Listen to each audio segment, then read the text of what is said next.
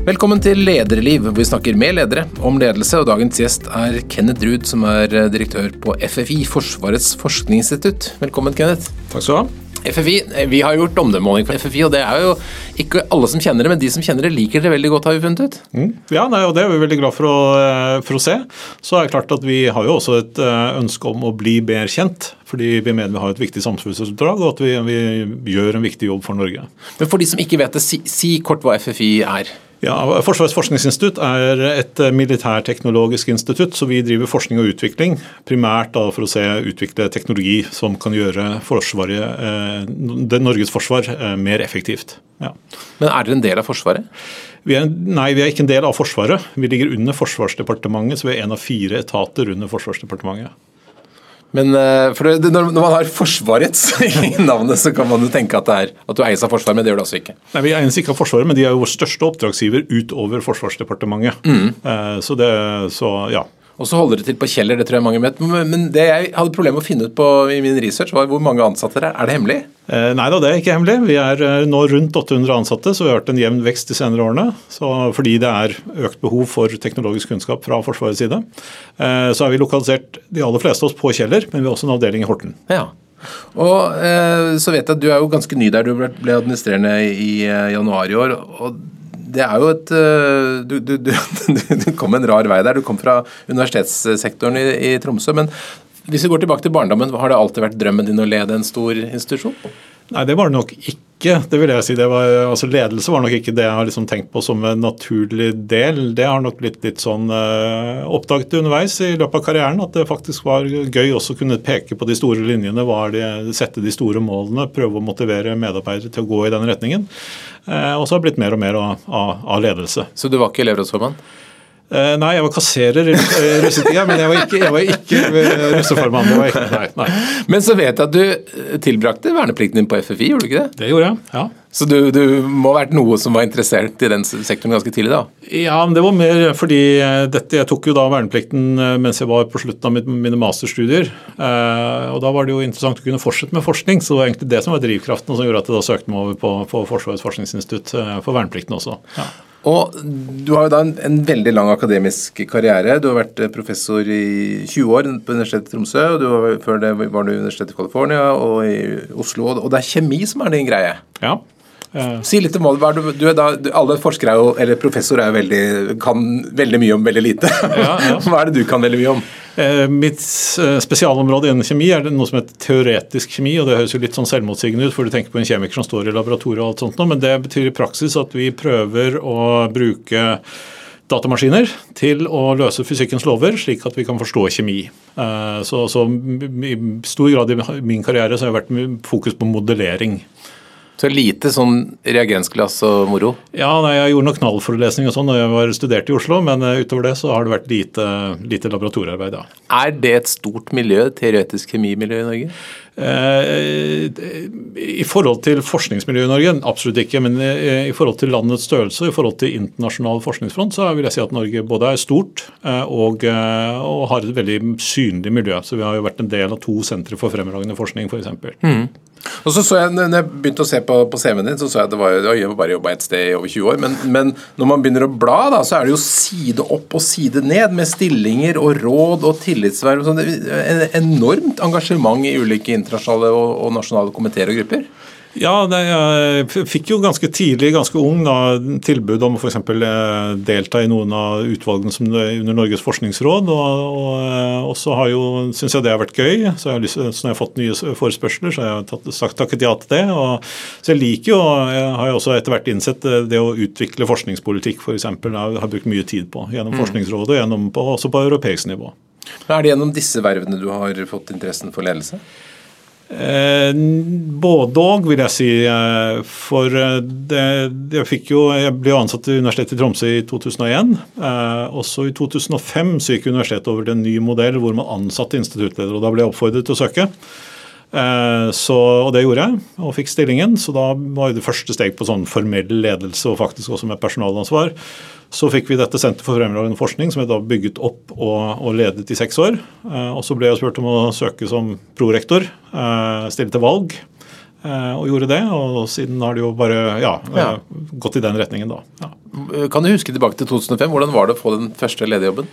Eh, jeg, var fakt jeg mener jeg var veldig sterkt motivert for jobben. Synes det var spennende, Også fordi vi gikk over til en ny ledelsesmodell. altså Historisk sett på universitetet så var det også valgt instituttleder, nå ble det ansatt. Eh, det å lage en strategi for instituttet, prøve å få med medarbeiderne til å ha et felles mål.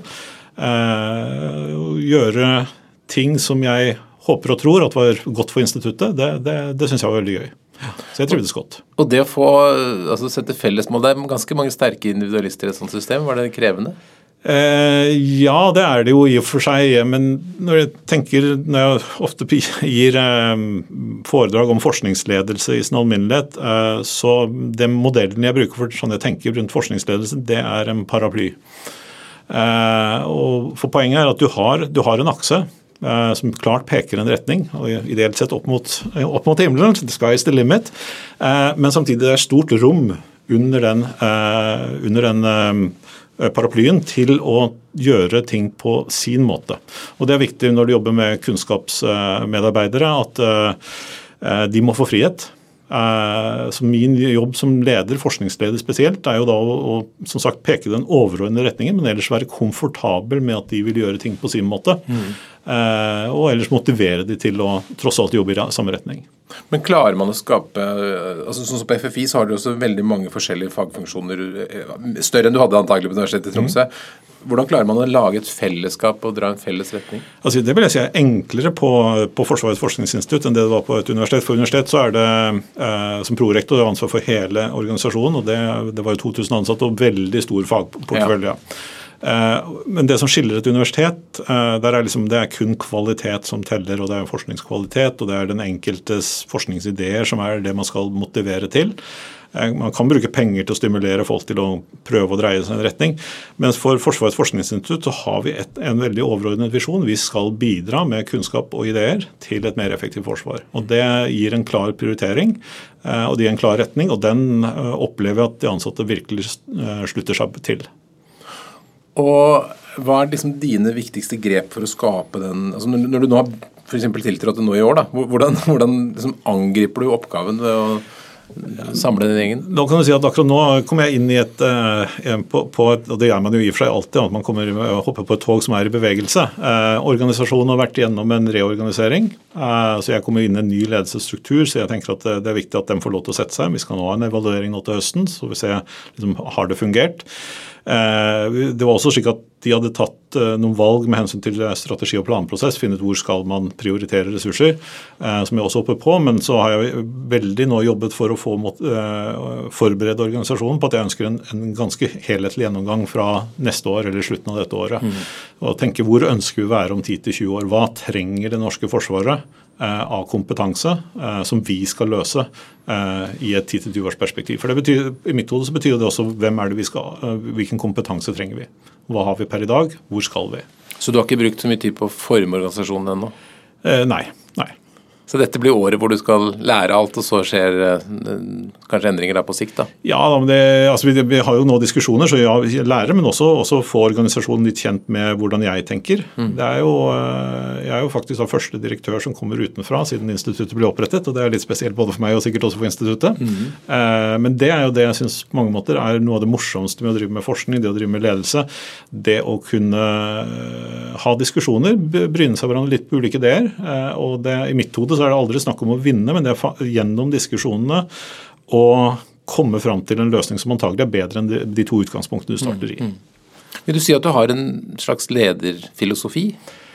Eh, ja nei, altså Jo da, det, det, vil jeg vel si. Fordi for meg, i, i, i og med at jeg stort sett har ledet kunnskapsmedarbeidere, så er det snakk om motivering. Det er veldig viktig. Motivering og det overordnede langsiktige mål. Eh, det, blir, det blir viktig. Og så er i mitt hode åpenhet. Være, være, åpen for innspill. Lytte er viktig for meg. Kjenne medarbeiderne. Vite hva som motiverer de, hva som demotiverer. Men også være tydelig på at på et eller annet tidspunkt skal vi sitte, sette en sluttstrekk. Og da være tydelig på at nå er den tatt. Og hvis vi ikke klarer å gå nå til en konsensus, som er det jeg prøver å få til, også være tydelig på at det er direktøren som bestemmer når, det, når den beslutningen må tas. Du sa motivere aller først. Hva er de viktigste grepene for å motivere forskere?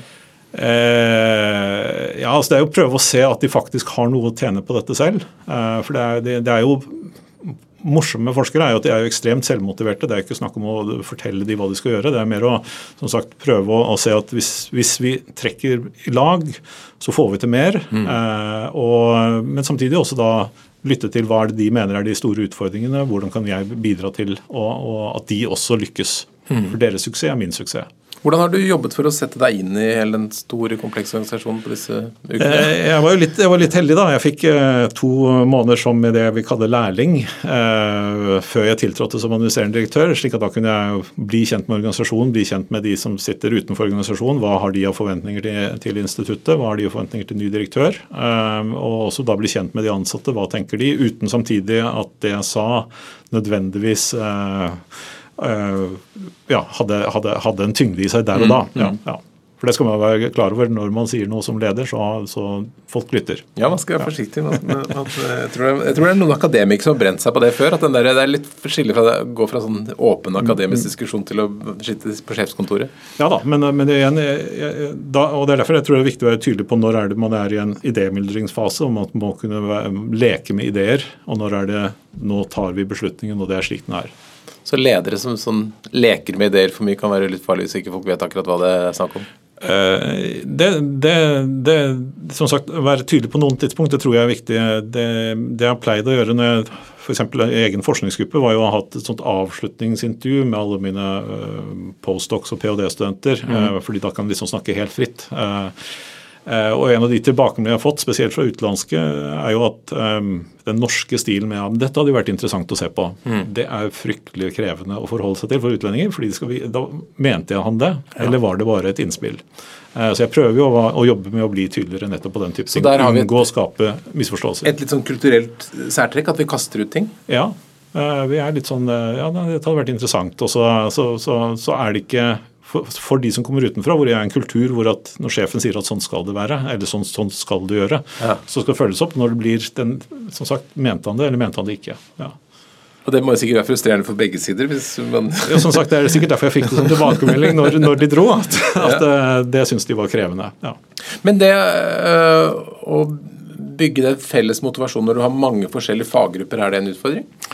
Eh, igjen, altså Med det, det, at vi har den overordnede felles visjonen som, som liksom hele organisasjonen slutter seg bak, eh, så vil jeg ikke si det. Og så er det jo øh, øh, og, og, ellers så tenker jeg at øh, det viktigste da er å prøve å se hva er det felles overordnede mål, og ikke gjøre det for snevert, slik at alle ser at de har en plass i dette. Mm.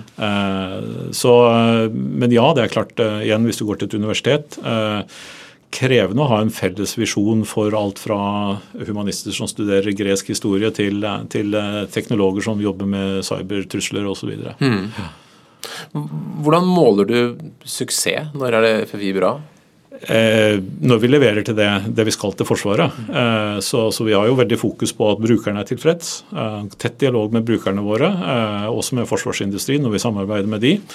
Eh, men også at eh, medarbeiderne trives på jobb. og Vi ser jo at vi har veldig lav turnover. Eh, slik at jeg opplever at det er et godt arbeidsmiljø som, som folk setter pris på. Mm.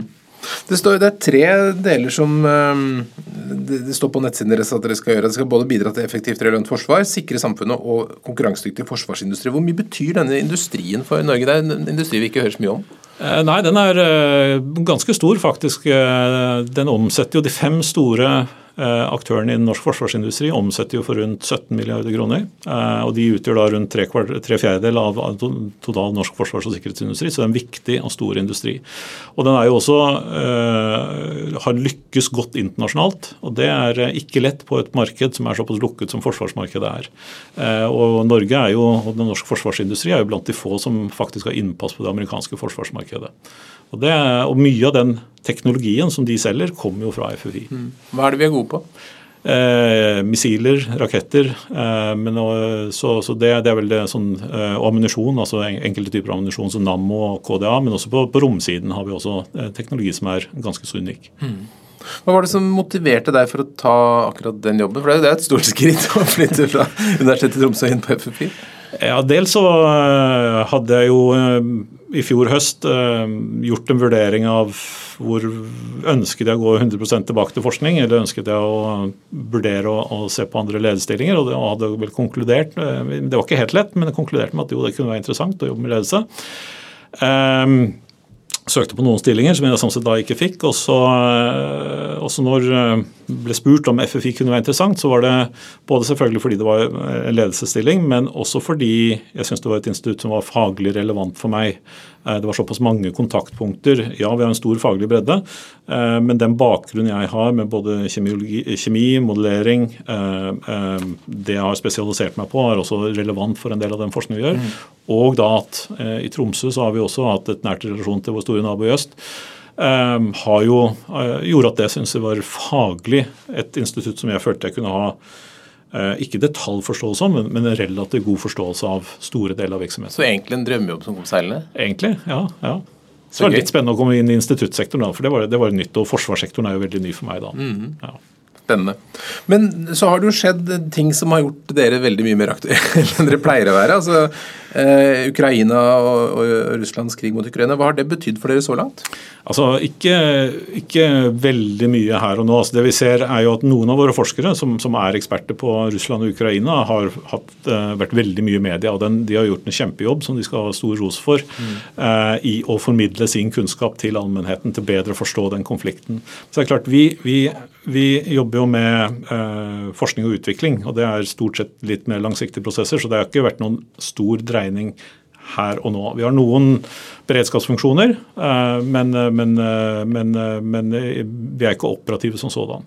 Så vil jo dette påvirke Vi gir også råd til langtidsplanleggingen for Forsvaret. Og det er klart at situasjonen vil jo påvirke de rådene vi, vi, vi vil gi i fremtiden. Nå er jo krigen uh, trist, men det må jo være litt stas at uh, mange plutselig viser mye interesse for det de holder på med? Ja, vi er glad at vi kan bruke dette til å vise den kompetansen vi har. Uh, så skulle vi som sagt gjerne hatt en annen anledning til å gjøre det på enn gjennom krigen. Eh, så, så, ja, det er veldig blandede følelser rundt det, rundt et sånt spørsmål. Mm. absolutt. Ja. Men Skaper dere krigen mye engasjement hos dere internt? Eh, jeg føler at den har eh, definitivt forsterket følelsen av det viktige samfunnsoppdraget vi har. Ja. Mm. Hvilken konsekvens tror du det kan ha for dere på sikt? Eh, det, jeg tror, eh, det er for tidlig å se hva det vil si. Det vi ser hos mange allierte, er jo at det er et veldig stort fokus på økt, eh, økt fokus på Forsvaret. Mm. Det tror jeg vil også gjelde Norge. Og med det så vil det også følge et behov for å se på forskning og utvikling på hvilken teknologi trenger vi for å forsvare oss for å sørge for at vi ikke vil bli angrepet. Det er det absolutt viktigste vi må sørge for at vi gjør. At vi ikke blir angrepet. Det kommer i en, en skarp, skarp, konflikt. Så, så jeg jeg ser ikke bort fra at Eh, det vil også vil ha konsekvenser på at det kanskje blir en økt aktivitet hos oss, men det, det må vi se. Eh, at det eh, sikkerhetspolitiske landskapet er veldig veldig annerledes, det, det er det nok ingen tvil om. og igjen, Det vil påvirke vår rådgivning og den strategiprosessen vi skal i gang med. Kanskje vil det også påvirke hvilken kompetanse vi ser at vi må ha. Mm. Ser du for deg at dere skal bli større? Altså, vi har jo hatt en jevn vekst de siste fem årene. Og, det, og i de planene som instituttet har hatt før jeg også kom inn, så er det jo fortsatt vekst som ligger der. Mm. Det må vi ha dialog da med spesielt kanskje Forsvaret og, og Forsvarsdepartementet på hva ser de av behov. Um, men jeg, jeg, jeg, tror vel at det skjer. og annen, Et annet område hvor vi har hatt stor vekst og jeg tror vil fortsette å skje, det er jo at teknologiutviklingen nå skjer jo mye fortere ofte i sivil sektor, men kan ha en anvendelse i militær sektor. Det ser vi også i Ukraina med bruk av droner. Uh, og det vil nok uh, derimot nok vi også i større grad finne ut hvordan skal vi trekke veksler på den teknologiutviklingen som ser på, ser på sivil sektor i, i Norge. Mm. Ja. Jeg vet ikke hvor langt du er inne i detaljer, men er det noe av det dere ser i Ukraina som overrasker dere? Eh, nå er jeg ikke jeg fagekspert på det, så eh, eh, det er vel Nei, jeg skal, være, jeg skal, være, litt forsiktig med å si for mye om det, tror jeg. fordi det, det, det, jeg er ikke ekspert på det. analysen Man har jo kun Har kanskje vært litt overrasket Eller hva skal man si? Um, det er vel Sånn som de analysene jeg har sett, og som virker rimelige, så er det klart at um, Russland nok hadde forventet seg en kortere krig. Eh, og det, mye tyder vel på at de hadde ikke en plan B. Uh, og Det er mye av grunnen til at vi ser det forløpet vi har hatt med hensyn til at den trekker ut som den gjør osv. Mm. Men så skal vi også være klar over at det er ikke nettopp fordi de kanskje hadde trodd at krigen skal, skulle gå fortover, skal vi nok være litt forsiktige med å tro, å tro at nå Russland er ikke så sterke som vi trodde. Og vi skal jo også huske at de har andre kapabiliteter som de ikke har tatt i bruk, selvfølgelig. Mm. Vi kan vel enige om at det kanskje ikke har vært noen sånn stor suksess for dem så langt? Det er vel rimelig å si i forhold til hvert fall det som tydeligvis var plan, plan A. da, absolutt, ja. Mm. ja. Det som fascinerer meg når jeg leser på nettsiden deres, er jo dere er jo på de, liksom, de helt store globale tingene. Mm. Og så er det nede på sånne feltrasjoner og sånn, veldig smått. Ja, altså mye av vår aktivitet, altså det, Vi har to biter. altså Vi har både disse langsiktige teknologiprosjektene som har ført til uh, at vi har no, ledende norsk teknologi som Naval Strike Missile, Joint Strike Missile osv. Uh, men vi en viktig element i det vi gjør, er også å bidra til materiellinvesteringer i Forsvaret. Uh, men da er det både store materiellinvesteringer, nye ubåter, nye, nye stridsvogner. Eh, men også til nytt, eh, nye uniformer og som du sier, feltrasjoner osv. Så, videre. så ja, det, det er på alle, alle, områder. Er det sånn at de fleste forsvarsbestillinger er innom dere på en eller annen måte? Eh, på et eller annet tidspunkt er vel nok de aller fleste innom oss, hvert hvis det er et behov for å teste ut si kvalitet av, av en materiell, eller, eller, hvis det skal utvikles noe som skal tilpasses i norske forhold eller videre. Mm. Ja. Nå har vi snakket veldig mye om, om Forsvaret, men har dere også sivile kunder? Uh, vi har, Forsvarsindustrien åpenbart, men, men, gjør det noe mer på samfunnssikkerhet? Altså Vi har jo i tillegg til um, forsvaret av uh, det militære forsvaret i Norge, så er det jo totalforsvaret av Norge. Uh, og Det involverer jo alle, en lang rekke sivile aktører. og Det har vi sett nå under pandemien. Og det går begge veier. Under pandemien så bistår jo Forsvaret helsemyndighetene med, med vaksinering. Eh, og I en krigssituasjon så vil jo Forsvaret være avhengig og militæret være avhengig av at eh, helsetjenester er tilgjengelige osv. Og, så og energiforsyning. Så, så, eh, vi er jo engasjert med andre etater enn bare Forsvaret. Men vårt ansvar alltid i en sånn totalforsvarssetting er hva, hva det, hvordan kan vi bistå på forsvarssiden av totalforsvaret. Men vi har finansiering også på, fra sivile aktører som Norges forskningsråd, europeiske forskningsrådsprogrammer, knyttet til f.eks. også at vi har aktivitet i terrorforskning. Vi har testet jo masker i forbindelse med pandemien f.eks. Ja. Nå vet jeg at mye av det du holder på med er som man ikke skal snakke så mye om, men, men kan du fortelle om noen prosjekter som du syns er fascinerende, som, som uh, er offentlige? Eh, ja, altså Vi har jo jobbet mye da med eh, f.eks. å utvikle romkapabiliteter eller, eller, ekstre, eh, eller, teknologi for ekstreme, ekstreme omgivelser. Så vi har F.eks. så er det jo en av våre teknologiske nyvinninger som kjører rundt på Mars. Rimfax. Der finnes det en, en, radar som kan sjekke hva som er under overflaten på Mars. og Av de syv instrumentene som er på denne roveren, så er det jo kun ett som ser under bakken, og det kommer fra oss. Eh, og også da utvikling av nye satellitter. Mikrosatellitter har vi vært eh, involvert i. Eh, og det vil jo også ha stor konsekvens, f.eks. å overvekke de store havområdene som vi har. Hvor stor er en mikrosatellitt? Ja, Den er, fortsatt, den er ikke mikro i, det er ikke, i det er ikke, lomme, det er ikke lommestørrelse? Nei, definitivt ikke, men den er vesentlig mindre enn sier romstasjonen. Ja, ja. Spennende. Ja. Og, og hvordan, hvordan, hvordan, skjer det at dere da havner på Mars plutselig? Eh, altså I tilfelle med, med, roveren på Mars så var det jo NASA som lyste ut en åpen konkurranse, hvor vi da kom med konsept eh, og fikk tilslag på at de både hadde kompetanse og, og innovative ideer som gjorde at det, det var attraktivt å ta med. Og Det må jo være noe som skaper en del glød og engasjement internt? Absolutt. absolutt. Det, og det er jo en av de eh, suksesshistoriene som vi trakk fram når vi nå i fjor feiret 75-årsjubileum. så er jo det en av de som var, var, der. Og Vi har jo flere sånne suksesshistorier, og syv vi, vi trakk fram. da. Også, vi, tar, vi tar oss tid til et par til. Kom igjen. Ja, altså Et annet område som vi har vært mye på, har jo vært på dette med autonomi, og da spesielt da autonomi kanskje under vann. Eh, man tenker altså Det at ting kjører selv, gjør egne vurderinger. Eh, og Det som er spesielt under vann, er at du plutselig har ikke så lett for å kommunisere. Du har ikke tilgang til GPS f.eks., så lokalisering av hvor er du er mye krevende. Så der har vi utviklet det som heter, en sånn farkost som heter Hugen. Altså og som er mye bruk for eksempel, da, til å for eksempel, kan f.eks. undersøke om det er problemer på en oljekabel eh, på, til en oljeplattform eller videre. Spennende. Ett til. Uh, ja, Skrytedagen. ja, ja, uh, ja, altså vi kan jo også bruke altså Et av de andre eksemplene som er kanskje litt sånn utradisjonelt i forhold til også med Teknologiinstitutt, var jo, var jo terrorismeforskerne våre i forbindelse med, uh, de terrorangrepene som var i Spania på 2008. Mm. Uh, hvor de, deres kompetanse knyttet til internasjonal terrorisme var helt essensielt for å prøve å forstå hva som skjedde. Mm. Nå, mye av det vi har snakket om er jo sånn hardware-ting, men forsker dere også f.eks. På, på ledelse, hvordan det kan fungere i Forsvaret? Eh, som sagt, Vi gir jo råd til langtidsplan for Forsvaret. og Det betyr altså at vi ser på økonomiske analyser av hvordan skal eh, rigge Forsvaret, selve forsvarskonseptene. Så vi har samfunnsvitere og alt sånt nå. Eh, ledelse som sådan har vi nok ikke eh, så mye på. Det, det må vi, så vidt jeg husker, i hvert fall. Ja. Mm -hmm. Hvilke opplevelser i din da snart 20-årig periode som leder er det du som liksom, du tenker har formet deg som leder mest? Uh, jeg vet ikke om jeg uh, På selve stil så tror jeg nok det er, det er, det er nok litt sånn de miljøene jeg har uh, vanket i, og hvordan jeg har hatt egne andre ledere for meg. som har nettopp også vært denne med åpenhet, det å kunne, kunne diskutere og komme fram til gode løsninger. Gi, gi frihet til å utvikle egne ideer. Men jeg har noen sånne, sånne, noen sånne hendelser som kanskje jeg har tatt med meg. og En av de er knyttet til denne paraplymodellen igjen. altså eh, Vi som er forskere, vi har en tendens til å like å ha kontroll på alt. Eh, men det er samtidig ikke den beste måten å lede forskere på. fordi De vil gjerne lede, men ikke bli ledet. Eh, og På et sånt lederseminar som jeg deltok eh, på, et uttrykk som brant seg fast i min hukommelse, det var det å være 'comfortably ignorant'. Altså det å være komfortabel med at andre gjør det på en annen måte. Men så lenge dere er enige om målet, så blir det antagelig bedre at de gjør det på sin måte, enn at du tvinger gjennom din måte å gjøre det på.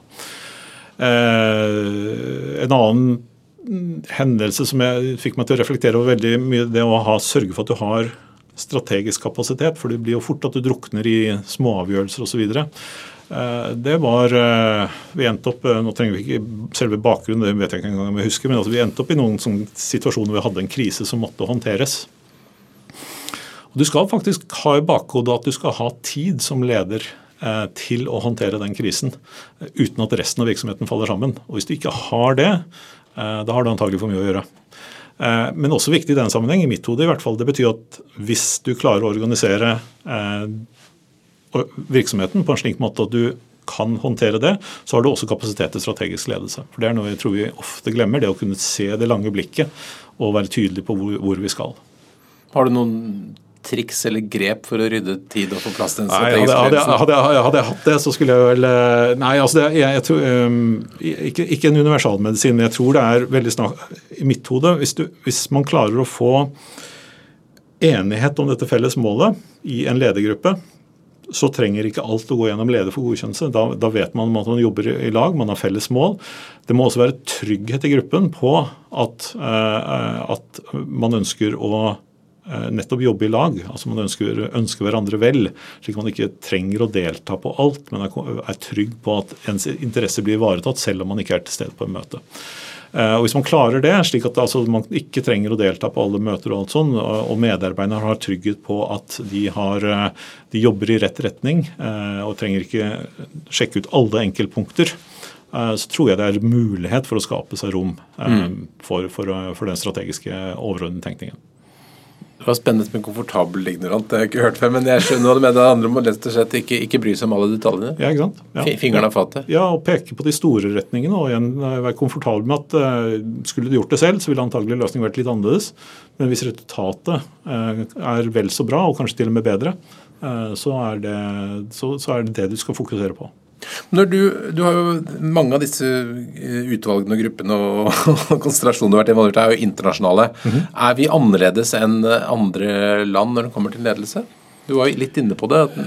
Ja, det, jeg opplever at det er til dels uh, ulike kulturer selv i Europa. Definitivt med hensyn til uh, ikke minst hvor, hvor, da, hvor direkte og hvor, hvor jeg, skal, jeg, skal, ikke kalle det kontrollerende, men altså hvor styrende man er som leder uh, i ulike land. Men Det er klart det er sikkert også personlighetsforskjeller her.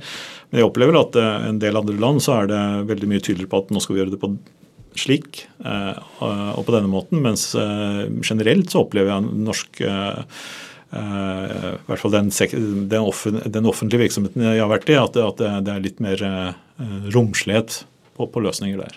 Blir vi da sett på som, som forbilder og, og, flinke, eller er vi rare?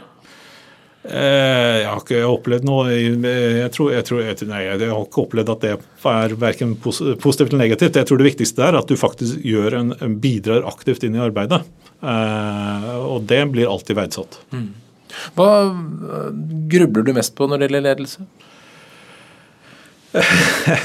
eh, oi, det var et stort spørsmål. Um, nei, eh, det, det, jeg tror det går litt altså det som, jeg, det som jeg har latt meg fascinere ettersom jeg har jobbet med ledelse og lest litt om bøker, og sånt nå, det er jo eh, menneskehjernen. Altså menneskelig psykologi. Eh, uh, brukt mye tid, Jeg har jobbet mye med likestilling og mangfold uh, når jeg var på, på UiT. Um, og det å forstå både verdien av at du får inn ulike ideer, at du kommer ut av et ekkokammer, eh, men også det hvorfor folk motsetter seg eh, nye ideer, eh, og hvordan Egentlig så er det jo en fantastisk ting at hjernen vår kan håndtere den enorme informasjonsflyten som den gjør, men den gjør det ved å ta bort ting som ikke passer inn, som faktisk er ting vi skal være observant på.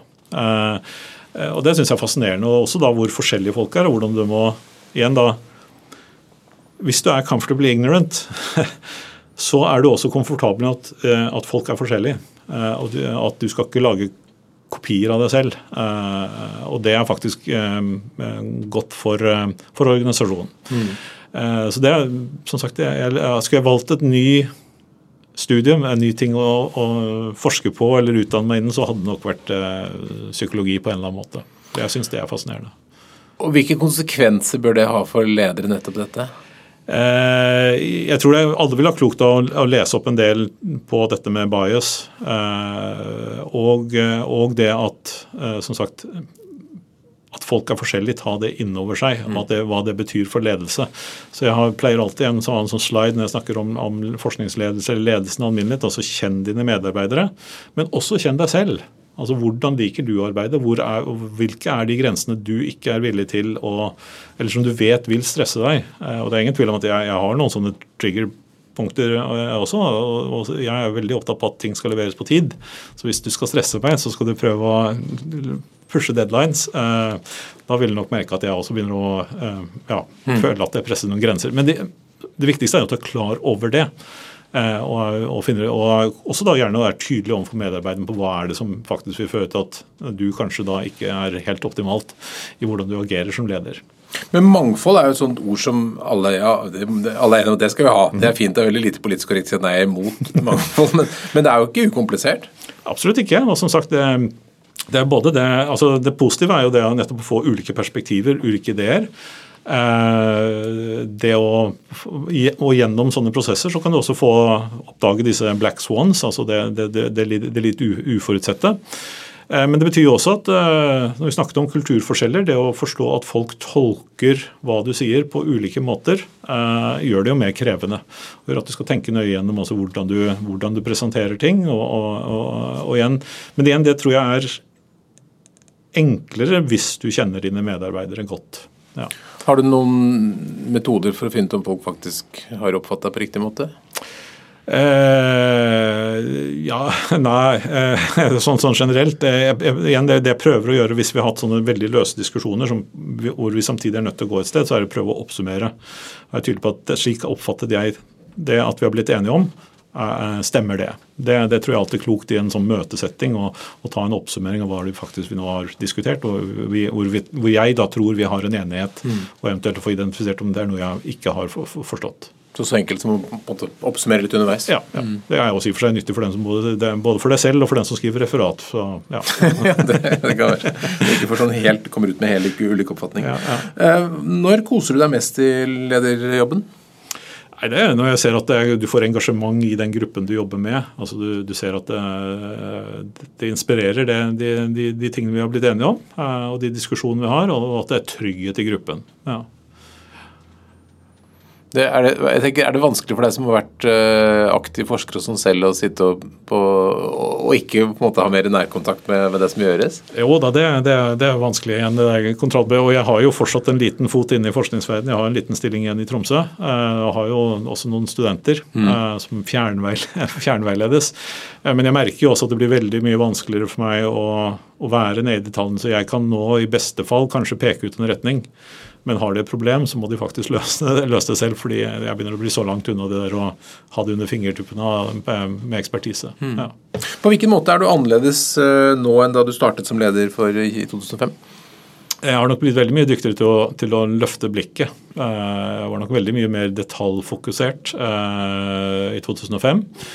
så mener jeg jo at det har blitt veldig mye mer eh, som sagt, bevisst på det med bias, eh, det med at folk er forskjellige, og ta det eh, innover meg i hvordan jeg, hvordan jeg driver ledelse. Har det Betyr det at du bl.a. også på mangfoldssiden at du kommer til å prøve å jobbe med mangfoldet i FFI? Nå aner jeg ikke hvordan det er, men, men Ja, da, vi, vi, altså, vi, har jo i vårt tildelingsbrev et ønske eller en, et, et, et um, signal om at det er noe vi skal være observant på. Mm. og Det gjelder jo alle offentlige etater. så er Det klart at FFI er, det er noen begrensninger der i hvor langt vi i praksis kan gå, fordi mm. du må kunne sikkerhetsklareres. Eh, men så, men, men, og vi ser jo at vi har en utfordring på kjønnsbalanse. Eh, spesielt altså innen forskerstillingene våre så er vi jo 2-23 kvinner. Eh, det er, noe av det skyldes jo at det er et teknologisk institutt, men det er klart vi må også tenke gjennom hvordan gjør vi oss attraktive eh, for kvinner med en realfaglig bakgrunn. Men der jobber vel tiden for dere? Jeg vet ikke hvordan det er fordelingen på universitetet? Ja, det er nok eh, Jeg fikk spørsmål i dag tidligere i dag når jeg møtte de våre nyansatte nettopp på det. og da, da Så vidt jeg husker, da, det må du kvalitetssikre tallene, så mener jeg at hvis du ser bort fra biologi, eh, som er litt mykere realfagene, så er, så er det nærmere seg nå 30-35 kvinner mm. eh, på de typer studiene. Så, så absolutt, det, bør, det bør, bør bli bedre. men vi må fortsatt sørge for at vi er en attraktiv arbeidsgiver, også for kvinner. Mm. Er FFI en attraktiv arbeidsgiver? Ja, det er uh, vår oppfatning. At, uh, at, vi er uh, For vi kan tilby Altså vi har på mange områder landets fremste ekspertise. man jobber med viktige problemstillinger for, for, nasjonen.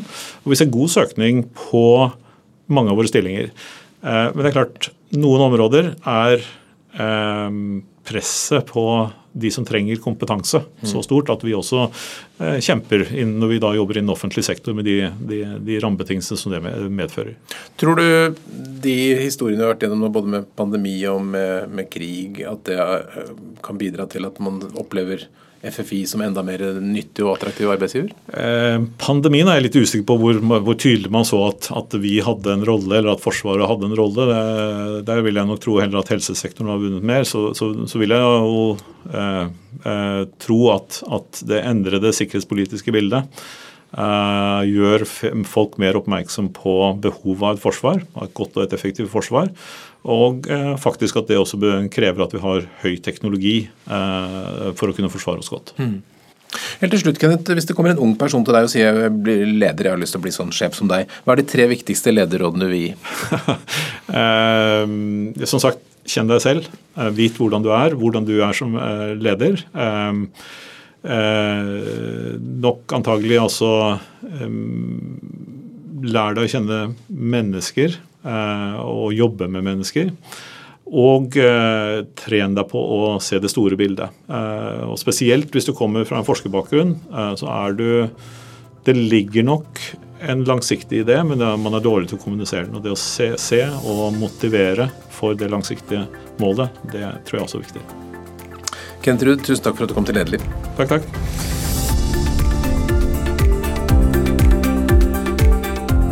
Takk for at du hører på Lederliv, som er en podkast fra Apeland. Redaksjonen består av Ingrid Hogneland, Lars Bolden, Lars Jarle Melum og Ole Kristian Apeland, som er meg. Vi er takknemlige for alle gode tips om ledere eller andre kommentarer og innspill. Kan sendes til meg, oleatapeland.no.